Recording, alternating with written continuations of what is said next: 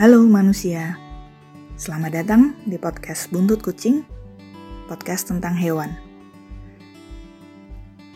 Tentang sapaan bukan bermaksud merendahkan, namun sepertinya sapaan ini tepat ya untuk podcast ini, karena kita akan bahas tentang hewan dan kita manusia.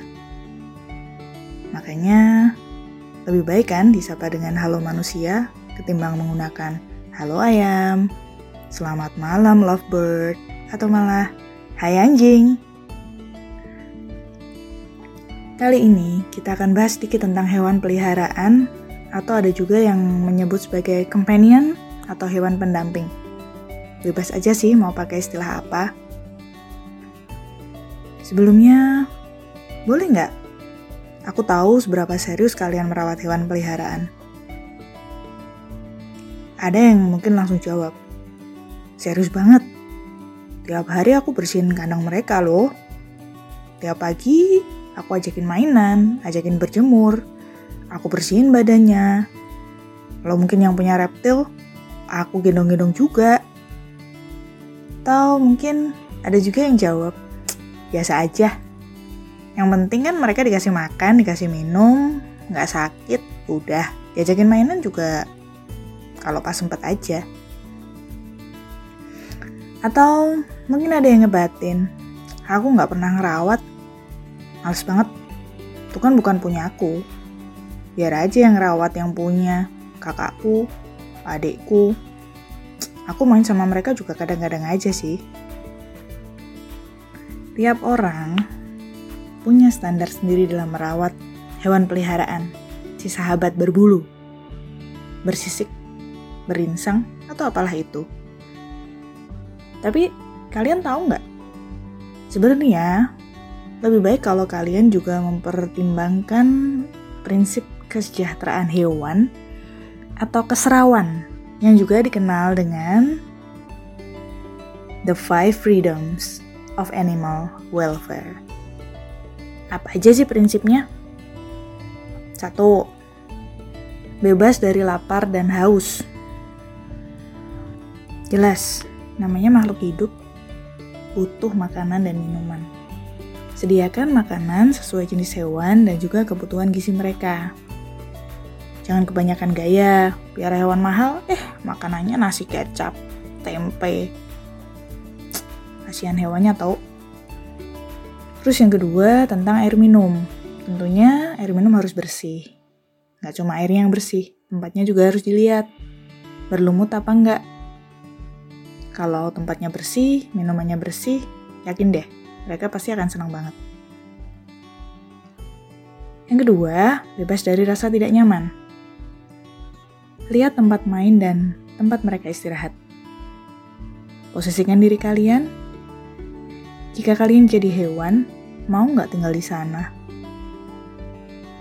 Tentunya tempat yang nyaman akan membuat mereka bahagia dan pastinya tetap sehat. Kalau hewannya sehat, manusianya seneng kan? Lanjut, yang ketiga. Bebas dari rasa sakit, luka, dan penyakit.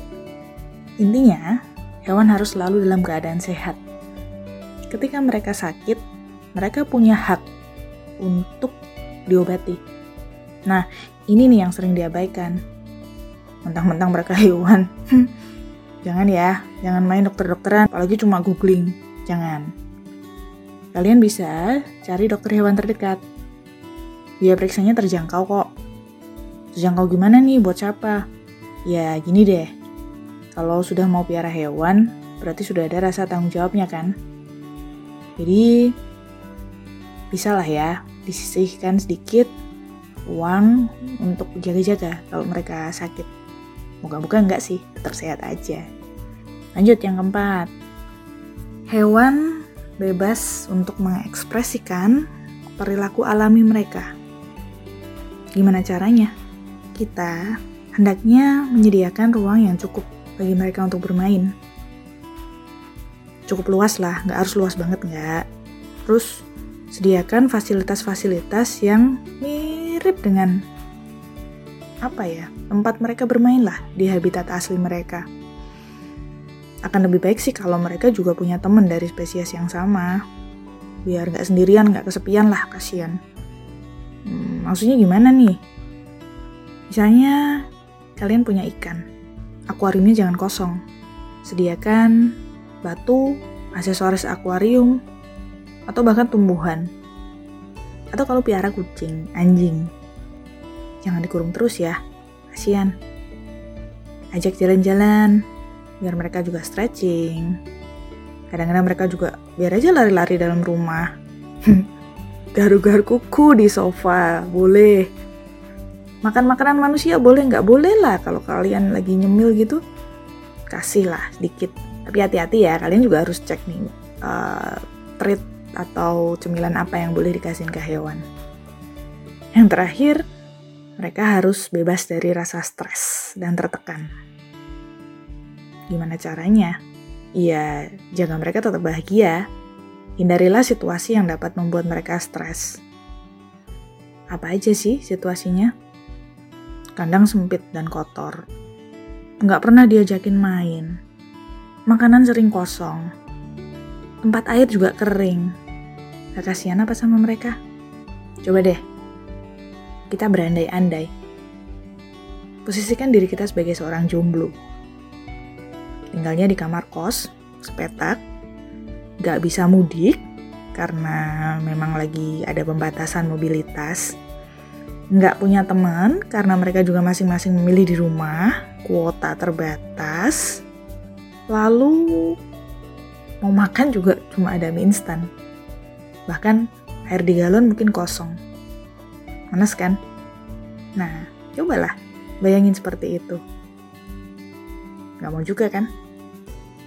Nah, kelima faktor tadi ini saling berkait dan saling berpengaruh.